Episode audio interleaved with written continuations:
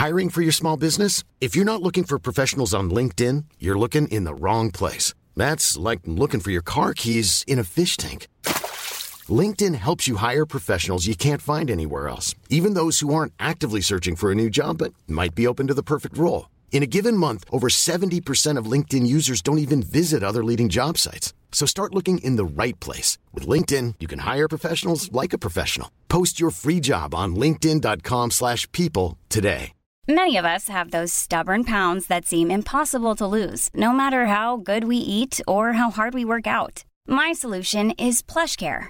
PlushCare is a leading telehealth provider with doctors who are there for you day and night to partner with you in your weight loss journey. They can prescribe FDA-approved weight loss medications like Wagovi and Zepbound for those who qualify. Plus, they accept most insurance plans. To get started, visit plushcare.com slash weight loss. That's plushcare.com slash weight loss.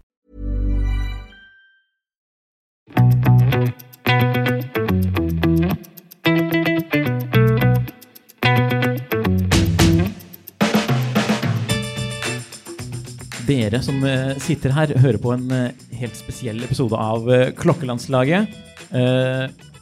For de som hører på i ettertid, så er vi live fra Oslo Swapmeet, som er klokkemesse. Og jeg sitter her med Jon Henrik, og jeg sitter her med en, en mengde publikummere. Eh, og vi har besøk av eh, klokkekjendis i dag. Christian Haagen. Eh, Jon Henrik kan jo kjøre intro, tror jeg. For dere kjenner hverandre. Jeg tror jeg eh, møtte Christian for første gang for kanskje ti år siden. da. Passer Altså, meget jeg har visst om deg eh, ganske mye lenger enn det. For du er jo liksom eh, den i Skandinavia som er klokkefyren for alle landene samlet, vil jeg si. Du var lige ved at sige, at jeg var den ældste. Det var meget, meget tæt på. Det var meget, meget tæt på. Og så er du, eh, du er klokkejournalist. Du er ekspert for eh, auksjoner. Brun Rasmussen jobber du tett med, eller har jobbet med tidligere i hvert fall. Jo, jeg, jeg brugte 10 år hos øh, Brun Rasmussen og opbyggede deres øh, klok øh, corner, om du vil. Ikke? Så nu er jeg sådan on the side med social media og sådan.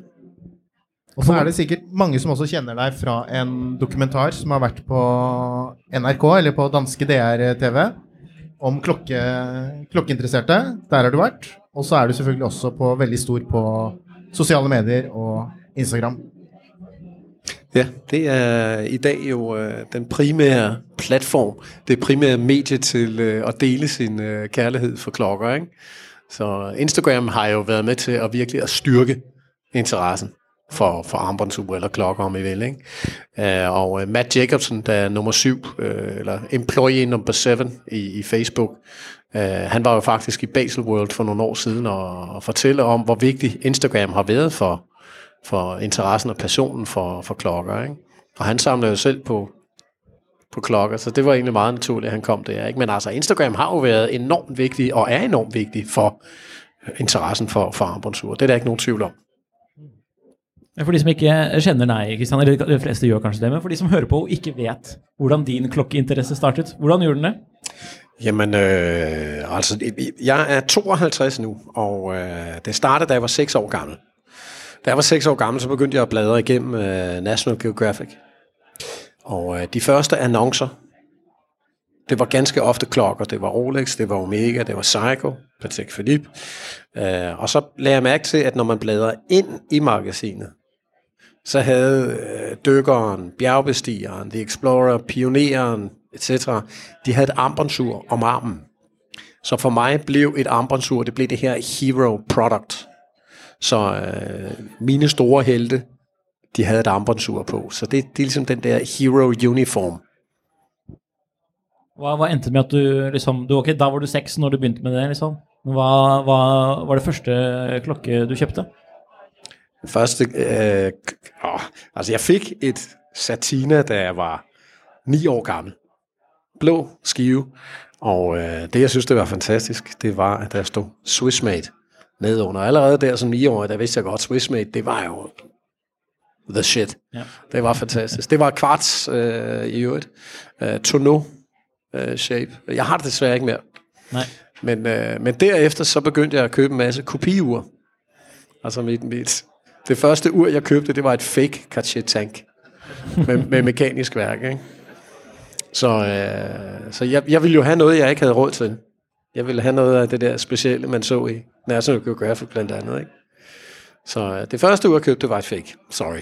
Men da var du inne på allerede litt på litt sånn klokker med rare former. eh, Litt annerledes enn de du hadde sett i reklamene på National Geographic, eh, sikkert. Altså hvis det var sånn tonneau shape, og så en firkantet karter, eh, eller Ja? Jamen altså, de første øh, mange Rolex-annoncer, det var jo meget det her med... Øh, øh, Øh, altså Sirius Petroleum-livet for blandt andet, ikke? Eller piloter med GMT Master, eller dykkere med Submariner, og Formel 1 med, øh, med Daytona. Øh, så det var, det var så meget action urene. Men, men det, det første ur, jeg husker, jeg så, det var Patek Philippe Nautilus reference 3700 fra, fra 1976. Og det var ikke på grund af uret, men det var på grund af, at der var sådan en kåre, der stod foran uret. Når du er seks år gammel, så er våben, det er fantastisk, ikke? Så altså, der stod en kåre der, og på det tidspunkt, der, der fægtede jeg selv. Så var det, det var meget fascinerende, det hele. Øh, men rent faktisk, så ejer jeg et øh, reference 3700 fra 1976.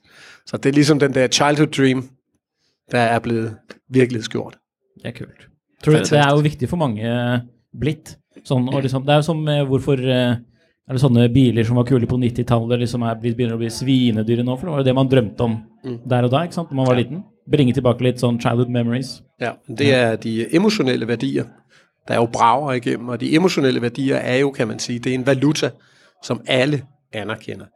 Men problemet er, at de emotionelle værdier øh, har ikke rigtig nogen pris, og vi har en tendens til måske at betale rigtig mange penge for at få en, øh, en barnedrøm til at gå i opfyldelse. Ikke? Altså, jeg, jeg havde i hvert fald lige købt et hus med min, øh, med min familie, da jeg fik tilbudt øh, 3700, ikke? Så, øh, men igen, Man gjør det man må. Det det? Ja. det blev, øh, det, det, det blev lidt dyrere, end jeg havde regnet med det hus. Ja, jeg lurer jeg, på hvordan eh, du tok det steget fra å være For du startet jo som en som alle oss andre med klokkeelsker og en klokkehobbyist, Ja, til å komme på en måte på innsiden av eh, bransjen. ja. Hvordan eh, skjedde det? Jamen det var igen, øh, altså internettet skabte jo nogle diskussionsfora.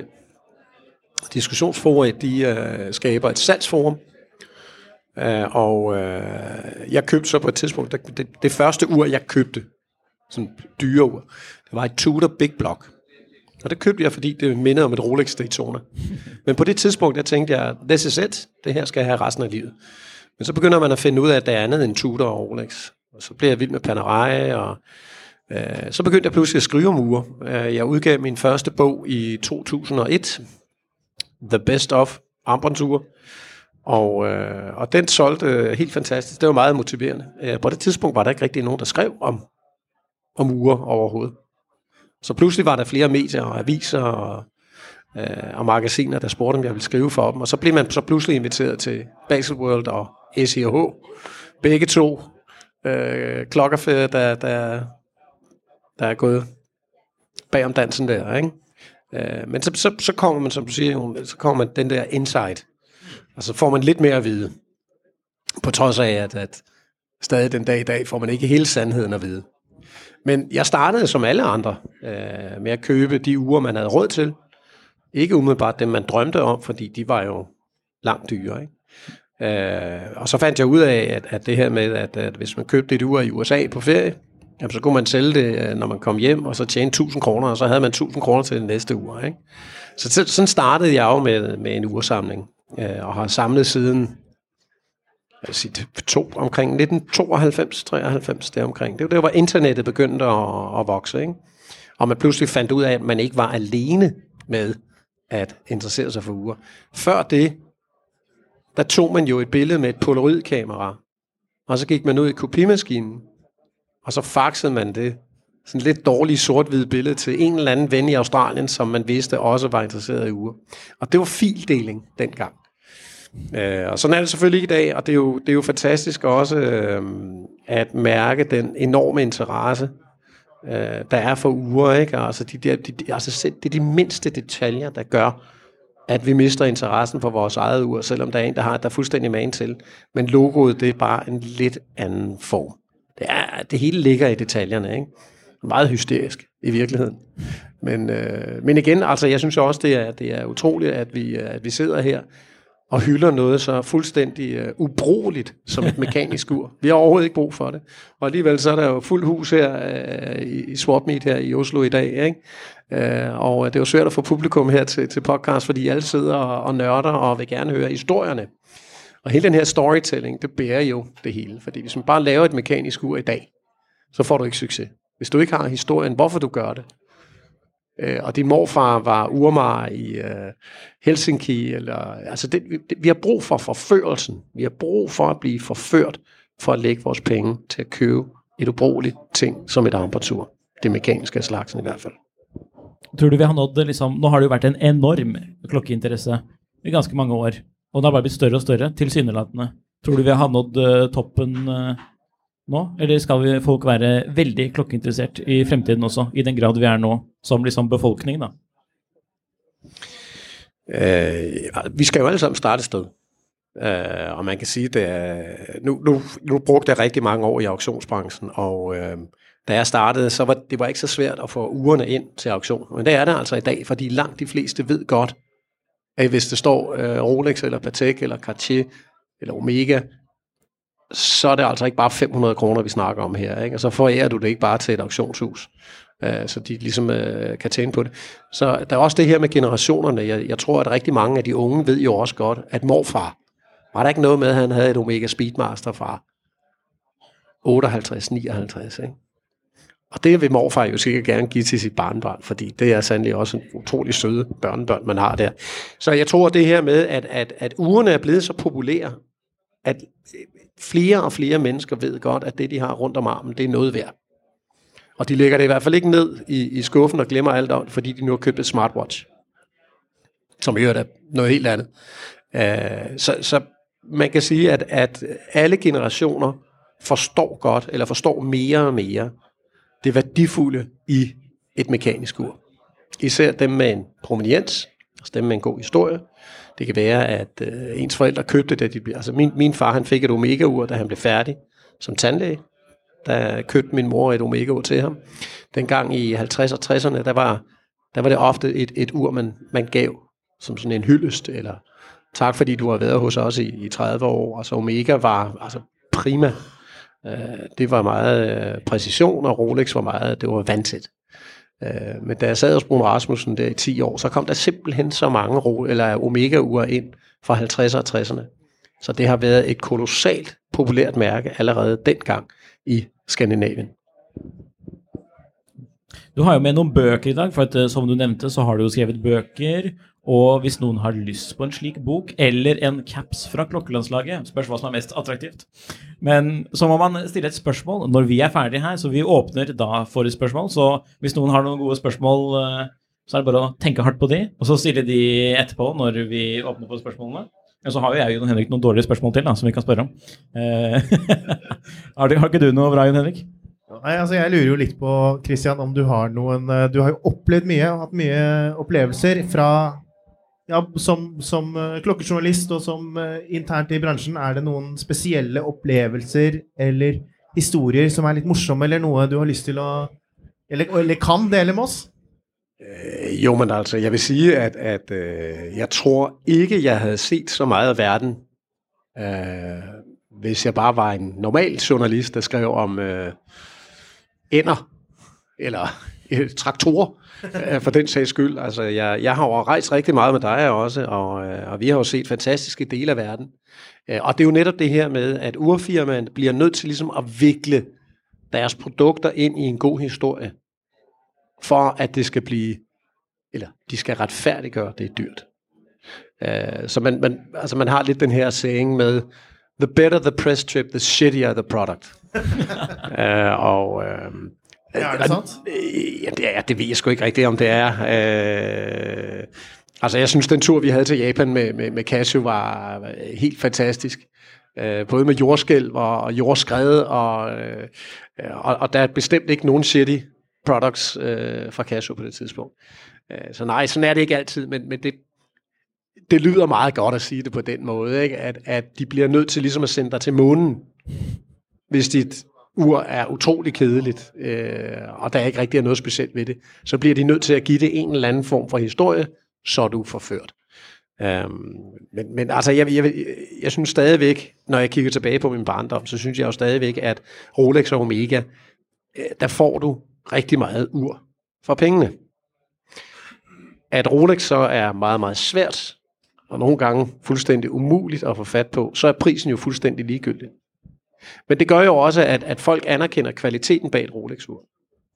Og historien. Øh, og, øh, og samtidig skal vi også huske på, at middelklassen jo stiger med 100-150 millioner mennesker. De vil altså også gerne eje et Rolex eller et Omega for den sags skyld. De vil også gerne belønnes. De vil også gerne kigge ned ad armen og tænke, I did it good. I did it well.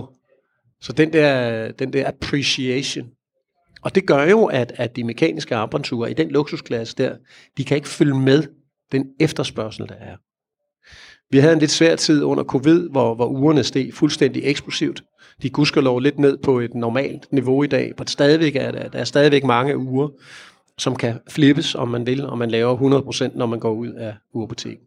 Det har ødelagt lidt for personen for armbåndsure, og jeg tror Rolex især faktisk har fået øh, lidt bad standing, øh, fordi det er blevet den der sådan meget asset management. Ikke? Når du er inne på det, hvad, hvad tror du om klokkemarkedet fremover nå? Med den situationen, som man har haft med en voldsom efterspørgsel, og nå en liten dip øh, ned. Hvor tror du det mm, ender op? Tror du man skal videre ned? Tror du det kommer til at... Jeg, jeg så fra Philips nå, så var det faktisk... Øh, Uh, Aurel Bax mener jeg skrev nå at uh, han trodde Nautilus skulle opp igjen 20 eller noe i løpet av året. Eller sånn, Så du det, Nikolai? Ja, de, de, jeg så det. De delte noe ja, det og det syns jeg høres ut som en veldig optimistisk Fra laveste punkt i fjor, da. Spådom, ja. Mm. Altså, snakker vi nytt Nautilus eller det eldre? Hva sa du? Uh, ny eller gammel? Han eh, var vel eh, Jeg husker ikke hvilken modell det var spesifikt han snakket om, men det var stål blå. Unnskyld, ja. Det kan jo ha vært ny eller gammel. Ja. Altså New Nautilus eller Old Nautilus? Jeg tror, jeg tror det var Altså den, den discontinued. Den som 5711. Ja. ja. Men nå er det jo en 6711. Mm. Så. Men ikke stål ennå. Så, nej, den er hvidguld, ikke? Men altså, må ikke, der kommer et eller andet i, i, i den tur, men du skal regne med, at når Oral Bax taler, så taler han jo også på vegne af sit firma. Og han er konsulent til, til Philips, og han vil jo gerne stadigvæk have lov til at slå nogle fantastiske rekorder. uh, så han investerer jo også i sig selv uh, ja. og sit eget produkt. Uh, men hvis du tager det ældre uh, Nautilus, så er der kun produceret måske 2.000 af dem mm. over 10 år. Det er jo ikke særlig meget. Øh, og det er jo klart, at nogle af dem er gået i stykker, og nogle kan man ikke finde, så der er måske 1.200-1.300 på markedet. Og når efterspørgselen bliver stor, og Oral Bax himself siger, wow, Nautilus bliver noget fantastisk, jamen så sidder den usikre og den, øh, den unge kollektor og tænker, det gør jeg. Det, det, det siger Oral Bax. Så gør jeg det. Mm-hmm. Øh, men jeg synes jo netop, at, at vintage er det mest spændende, fordi de produceres ikke længere. Eh, og, øh, og det er det som har vært litt rart nå, at, man, at, klokker som fortsatt er i produksjon, som produseres i hundretusener i mm. året, ja. at det er klokker som blir solgt for mye mer enn det, enn det de koster hvis man kommer seg på en venteliste eller får kjøpt. Ja. Men dette med vintage, det forstår jeg jo at det er uh, ting som bare blir færre av i god stand. og og tingene bare bliver mindre. Men, uh... Ja, men det, altså, hvis du kigger på de forskellige grafer nu, så kan du se, at vintage-urene, uh, Rolex og Omega, altså, de har sådan steady growth. Mm. Hvorimod et Rolex nyt Daytona Panda, ikke? Altså, det, det, det er jo klart, at noget, der stiger eksplosivt. Det vil ryge ned lige så eksplosivt. Og mens så er vintage bare sted og sted og sted, fordi de har jo igen også en historie. Du køber, når du køber et ældre ur, så køber du også en historie. Den kan være spændende, den kan ikke være så spændende, men du køber stadigvæk et ur, der er måske siddet øh, om armen af en øh, helikopterpilot under Vietnamkrigen, eller øh, en fyr, der arbejder i NASA med et Omega Speedmaster. Allerede der har du den her prominens, der gør, at vi synes, det er interessant. Fordi problemet er jo, at et nyt urfirma i dag, de har brug for Brad Pitt. Sådan så han sidder derhjemme og kigger på Brad Pitt, peger på ham og siger til sin kone, prøv at høre skat, jeg vil gerne eje det ur der. Så tænker hun jo, hvis han køber det ur, så ligner han Brad Pitt en lille bitte smule mere, end før han købte uret. Og sådan er det med moderne ure. De bliver nødt til at vikle det ind i supermodeller og sportsstjerner og øh, world events, øh, altså de olympiske lege. Ikke? Hvorimod de ældre ure blev jo købt som et instrument, der viste tiden. Vi havde brug for at se, hvad klokken var. Vi havde ikke iPhones og alt muligt andet pis. Øh, og derfor så, så var det ofte, at ugerne blev købt med et formål. GMT-master til piloter, dykkerure til dykkere, øh, Daytona og Speedmaster til, Tesla, ikke nødvendigvis til astronauter, men til folk, der skulle, øh, der skulle måle fart. Øh, og, og det synes jeg er interessant, at de uger simpelthen blev lavet på grund af en efterspørgsel og et formål. I dag det er fuldstændig ligegyldigt, om det er Tourbillon, mini repeater, perpetual calendar, eller hvad som helst, fordi vi, vi, vi ved alligevel ikke, hvad vi skal bruge det til. Øh, og der synes jeg, at vintage de har den historie med det samme. Øh, og jeg synes helt klart, at når man efter den tid, vi har haft med den eksplosive vækst af nyt Patek og nyt Rolex og nyt Audemars Piguet og nyt Lange, øh, og så ryger de jo helt padask ned igen. Og så det, det var fordi, de fik den her status af asset management. Det var sådan ligesom, man, man, man handlede med guld, eller med tulipaner, eller øh, alle mulige andre ting, hvor det også har fået et enormt crash. Og det synes jeg ikke, at de ældre uger har. Og det, det synes jeg er meget, meget positivt. Og det kan man også se her i, i, i traden i dag. Ikke? Der er en herre, der står over hjørnet med, med ældre Tissot, ældre Satina, ældre højer. Det er simpelthen det, det er purposely made wristwatches. Det synes jeg er fedt. Hey, it's Danny Pellegrino from Everything Iconic. Ready to upgrade your style game without blowing your budget? Check out Quince. They've got all the good stuff shirts and polos, activewear, and fine leather goods, all at 50 to 80% less than other high end brands. And the best part? They're all about safe, ethical, and responsible manufacturing. Get that luxury vibe without the luxury price tag. Hit up quince.com slash upgrade for free shipping and 365 day returns on your next order. That's quince.com slash upgrade. Hiring for your small business? If you're not looking for professionals on LinkedIn, you're looking in the wrong place. That's like looking for your car keys in a fish tank.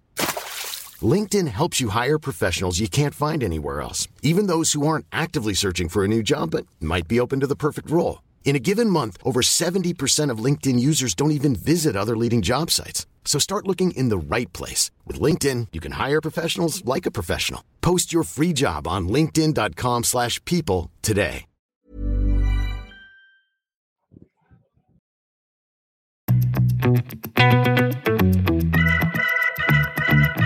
Uh, er du på utkikk etter noen uh, klokker eh, selv om dagen? Eller? Noen vintage-modeller kanskje, eller noe du prøver å kjøpe selv? Uh, jeg købte her i, uh, i går. Ja. Med jo to, to dage siden. Den? Ja. En fin Daytona. Er det, er det denne man kaller Freccione? Eller er det en annen? Nej, Freccione, det er et Explorer 2. Å oh, ja, sorry. Uh, Nei, nå var jeg dum. Nej, den her, den vil man måske hva, nok hva kalde... heter det når du får denne? For den har jo et litt spesielt navn, har den ikke det? Jo, nej, det er et Daytona med et Zenit-værk. Ja. Så det er 5-digit Daytona. Men så har den jo en color change på subdials, som man kalder den Patrici. Ah, det var det det var, det. Var en, av, en av de Ja, to ja. navnene, ikke sant? Ja, ja, ja. Altså, det, det, er jo, det er jo igen det der med historien, ikke? Der er en mand, der har fundet på, at de der shitty dials, de er fantastiske og meget, meget samlerværdige. Osvaldo Patrici var auktionarius i Antiquorum for mange år siden. Og øh, han, han fandt så ud af, at der var den her color change på visse øh, Daytona. Altså, og, og det gør jo bare, at når man har et urmærke som Rolex, hvor det handler om perfektion og ikke noget som helst andet, så når der er en fejl, så bliver det penge værd. Og hvis man finder en eller anden shitty dial fra, fra et andet urfirma, så siger man, det er bare en shitty dial. Men er der fejl på et Rolex-ur, så er det jo helt fantastisk. Så hvor lenge har du vært på utkikk etter en sånn, da? Eller var det ren tilfeldighet? eh, det Ja, men altså, jeg, jeg synes, at det er meget positivt, det der sker lige nu, fordi det er jo købers marked. Mm-hmm. Øh, og, øh, og man kan godt handle lidt mere med prisen i dag, øh, end man kunne før. Øh, så, så jeg synes jo, det er meget sundt for os samlere, der hvor priserne er lige nu. Det er sådan en meget, meget god level, hvor man siger, jamen, det, er uret faktisk værd. Det produceres jo ikke længere. Det øh, stopper med at blive produceret i 2000, ikke? Så det her ur, det er, det er 3-24 år gammel, ikke? og det, Ser jo stadigvæk nyt ud. Med en fantastisk historie, så bare med en color change. Er kjempefin. Ja. Ja. Er rigtig, rigtig fin. Ingen andre Hvis de som ikke kan kjøpe seg en Daytona i morgen, skal ha lyst på noe, men eh, la oss si til rundt 5000 danske, hva er eh, kult nå om dagen? Trenger ikke å være vintage. Jamen, jeg vil absolut købe vintage. Øh, Jeg vil købe et øh, Omega Seamaster fra, fra 60'erne. Simpelthen fordi værkerne er sindssygt god kvalitet. Og så kan man sige, at det, der er positivt med et øh, Omega Seamaster fra 60'erne, der er diameter, den er 37 mm, undskyld, 34 mm. Og lige nu, der svæver man sådan lidt af det der non-gender specific watch size, om du vil. Ikke? Og i dag skal man huske på, eller man skal altid huske på, at køb uret, hvis du synes, det er smukt. Hvis du synes, det ser godt ud om din arm. Ikke hvad de andre synes eller tror. Hvis du synes, det er smukt, så er det det rigtige ur for dig. Det, altså, det nytter ikke noget, at, at, øh, at man tænker, at det, uh, det ur det er godt nok også småt. Det vil være det samme som at sige øh, nej tak til en date med Kylie Minogue. Altså, det, det tror jeg ikke, der er nogen, der vil gøre. Så det, det handler jo om, hvordan man har det med det pågældende ur om armen. Men et godt trick, det er, at, at hvis I tror, at uret er for stort eller for småt, så få en eller anden til at tage et billede af jeres hånd, sådan her. Så ser det pludselig ikke så øh, stort eller småt ud længere. Og det handler om, at man skal kunne se lænken på begge sider af uret. Hvis ikke man kan se lænken eller remmen på begge, så er det måske nok lidt stort. Men altså, hvis man holder hånden op, sådan her, så virker det jo ikke særlig stort til mig, det her. Så det er jo egentlig meget god start. Ja, det var en lille anekdote. Skal vi åbne for nogle spørgsmål fra, fra publikum? Er det noen som sitter på noen spørsmål? Igjen så kan vi jo da lokke med enten bok Ja, ja. eller caps. Ja, Eller kanskje begge ting. ja, ja. Og, og øh, bøgerne bliver selvfølgelig øh, signeret, inden jeg skal i lufthavnen. Oi, oi, oi. Så øh, Da, da, nå hopper vi virkelig noen av spørsmål. er der nogen, der sidder med spørgsmål og gerne vil have en cap, eller et, en, en, en, øh, der er jo 400 sider i bogen. Og sikkert 400 klokker. Det er bra. Ja, nå tar vi med kabelen bort til vedkommende som kan stille spørsmål. Heia. Eh, Jeg har et spørsmål. Eh, Hva syns du om din nye Moonswatch?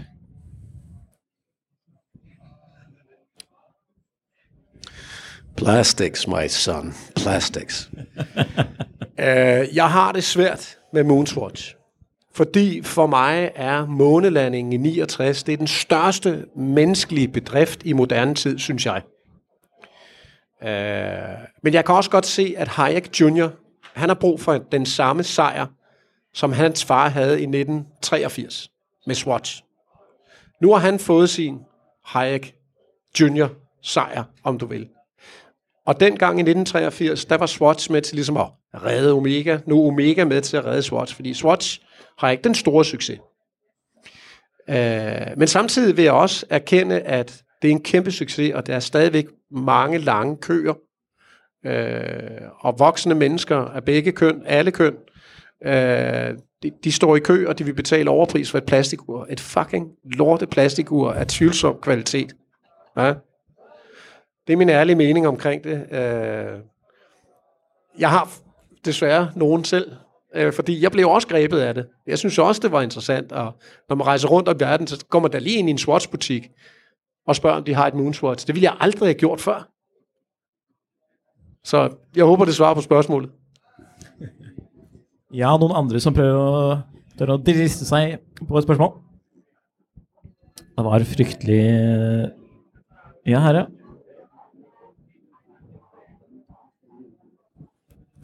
Hei, hei. Ehm, hva er dine tre, topp tre klokker i samlingen din sånn akkurat i, for øyeblikket? Hvis ikke du har blitt spurt om det tidligere i dag. Uh, altså i min private samling?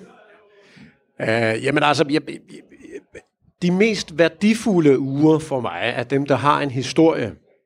Uh, og jeg synes jo, at det her Nautilus, som jeg så første gang i 1976, eller, undskyld, 76, at jeg ejer præcis det ur, synes jeg er, er, er fantastisk. Og jeg føler mig utrolig heldig. Det er et privilegie at eje det ur. Det er nummer et. Nummer to er et øh, Rolex GMT Master fra 1968, som var ejet af en af mine helt store helte, øh, Jan Stage. Han var øh, krigskorrespondent, journalist, og han øh, blev medlem af den kubanske efterretningstjeneste i 1968. Han var rygende kommunist, og han ville have det samme ur som sine helte, Che Guevara og Fidel Castro. Og det gik jo som bekendt med et Rolex GMT-master. Øh, og efter et tv-program øh, ringede øh, Jan Stages enke til mig, og, øh, og sagde, at hun havde lagt mærke til, at jeg ikke havde GMT-master.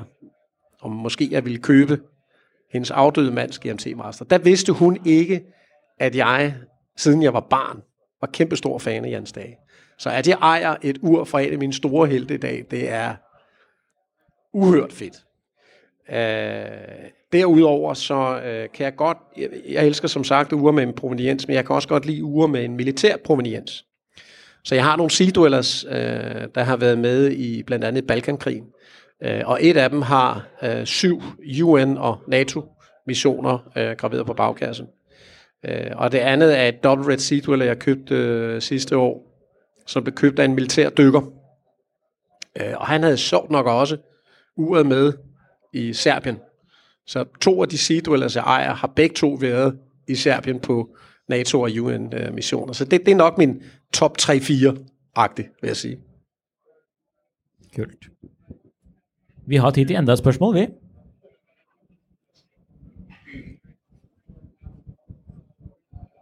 Hei. Du er jo eh, en stor stjerne, om jeg skal våge å si det, i, i klokkeverden. Og du inspirerer mange, og du bidrar til at mange får øjnene op for klokke på en, en ny måde. Er det nogen, som inspireret dig på samme måde? og hvorfor? Ja, og ved du det er jeg faktisk rigtig glad for, at du spørger om. Uh, og det har jeg også skrevet i min... Det, her, det er min bog nummer 8. Uh, øh, og jeg har virkelig svært ved at skrive den på grund af en mand. Mark Hanek, der har skrevet A Man and His Watch. Han er ikke uh, uentusiast. Uh, han er sådan en livsstilsmand, tidligere fashion editor for Condé Nast. Øh, og øh, han har bare forstået at skrive en bog, der er genial. Fordi han, har, han forstod lige pludselig, at jamen, de fedeste uger i verden er dem, der har en fantastisk historie. Og det er fuldstændig ligegyldigt, om det er et Rolex eller Omega. Det kan også godt være et gammelt Casio G-Shock. Det kan være et gammelt digitalur, eller et, et ur, der er gået i stykker. Fordi historien bag, hvordan det gik i stykker, er fantastisk. Så Matt Harnik har, og, og, og stadigvæk den dag i dag, er en kæmpe inspiration til, til alt, hvad jeg laver. Og jeg er stadigvæk fuldstændig sindssygt misundelig over hans livsstil. Øh, over hans Land Rovers, og over hans barber jackets, og, og alt det her. Øh, og jeg synes stadigvæk, jeg, jeg er fuld af beundring over, at han fandt ud af, at vil du skrive om uger, så skal du skrive den rigtige historie. Du skal ikke skrive pressemeddelelsen. Der er masser af klokbøger derude, der egentlig bare er en, en længere version af en presse, pressemeddelelse. Ikke? Øh, hvorimod hans A Man and His Watch, det handler om ejerne af uret, der fortæller deres historie. Det synes jeg er fedt. Ikke dårlig. Enda et spørsmål? Altså, vi har fem uh, flere capser. Ja, men jeg, jeg er også ved at skal i lufthavnen jo. Oh, ja, ja, ja, ja, det bra. Men nu? Ja, det skal jeg faktisk. Ok. Vi rekker et spørsmål til. Vi gjør det.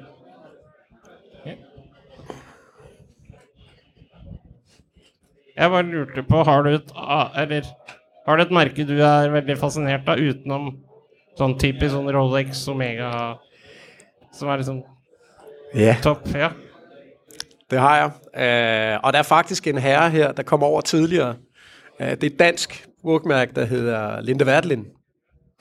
Øh, og Linde Werdelin er, altså de, de har 20 års jubilæum, det her de sidste år. De har lavet 5.000 uger i alt. Så det er jo stadigvæk det, man kalder for et microbrand. Og øh, at man stadigvæk er her efter 20 år som microbrand, det er ret imponerende.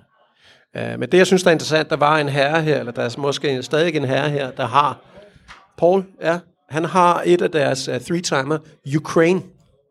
Og Linda Wertlind lavede et ur uh, til fordel for Ukraine, hvor alle pengene gik ubestri- uh, til, uh, til uh, Ukraine. Uh. Og der synes jeg, at, at de havde ikke behøvet det. Linde Wertlind overhovedet. De laver de her fantastiske ekstreme uger, som jeg føler passer rigtig godt til mig. Uh, og, uh, og det er, sådan, det, det er ganske usædvanligt en gang, men så popper de op med noget, hvor man tænker, hvorfor er det ikke Reset Mil, der laver det her?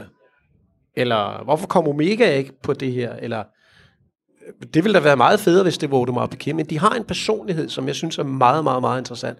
Jeg tror faktisk, jeg var lige ved at logge dem med herop, her til det her uh, collectors meeting heroppe jo. Uh, men de kunne så ikke. Jeg tror, de sagde, at det var for koldt. Nej, så Linde Wertlin, hvis du ikke har undersøgt det tidligere, så prøv at gøre det. Der er et helt kapitel i den bog her også om Linde Wertlin. Fedt. Flere spørgsmål? Hadde vi et til der.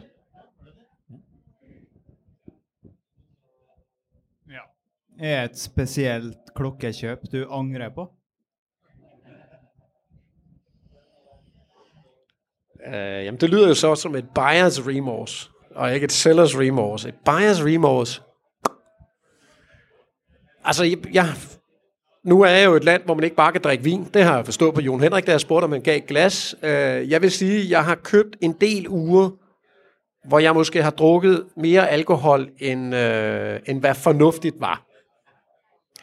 Øh, men samtidig skal man jo huske på, at når man bliver forelsket, så er det jo, en forelskelse er jo en slags sindssyge. Og, øh, og det er indtagelse af spiritus også. Øh, så jeg vil sige, at, at, øh, at jeg angrer min sindssyge over at drukke spiritus, og at kigge på et eller andet ur og bare tænkt, det der, det skal jeg sgu da bare eje. Og så man vågnet næste morgen og tænkt, okay, det var nok ikke skide godt. Jeg vil ikke sige, hvilket et det er. Jeg vil heller ikke sige, hvilket det er, fordi det er også pluralis. Jeg har været fuld mere end en gang. Men der, altså, der, der, der har været nogen, hvor jeg er gået ind i en butik, og så har de givet mig ekstra champagne også, ikke? Det er jo sådan, de sælger deres lorteuger, ikke? More champagne? Sure, why not?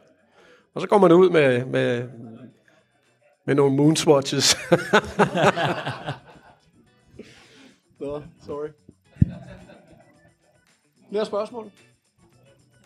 Vi tar et spørsmål til. Det er fortsatt en caps igjen, tror jeg. Altså. Så Hvem vil ikke have en ja, ellers så må du ta den. Ja. Nå, men uh, tak fordi I lyttede. Jeg vil lige uh, udlevere, lige uh, signere nogle bøger uh, til de uh, udvalgte heldige, og så vil jeg drøne i uh, lufthavnen og sige fedt. Og tillykke med kanon event som det her. Ked jeg ikke er mere tid. Og tak takk, til jer. at, takk for at de kom i klokkelandslaget. Og takk for at dere hørte på. Så da sier vi simsalabim, og så er vi ferdig. Ja, simsalabim. Takk for Hei. oss.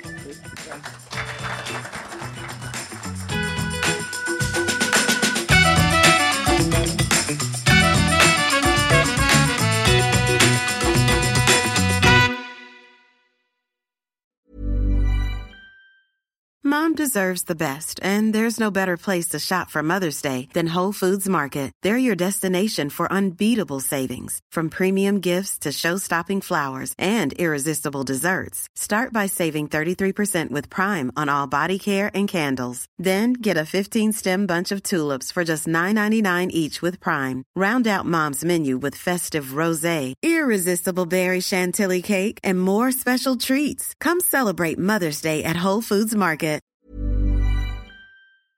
Klokkelandslaget er en Finansavisen-podkast i samarbeid med Tidso. Programleder er Nicolay Giel og Jon Henrik Haraldsen. Produsent er Lars Brenden Skram. Podkast- og videoansvarlig er Marius Mørk Larsen. Og ansvarlig redaktør er Trygve Hegnar.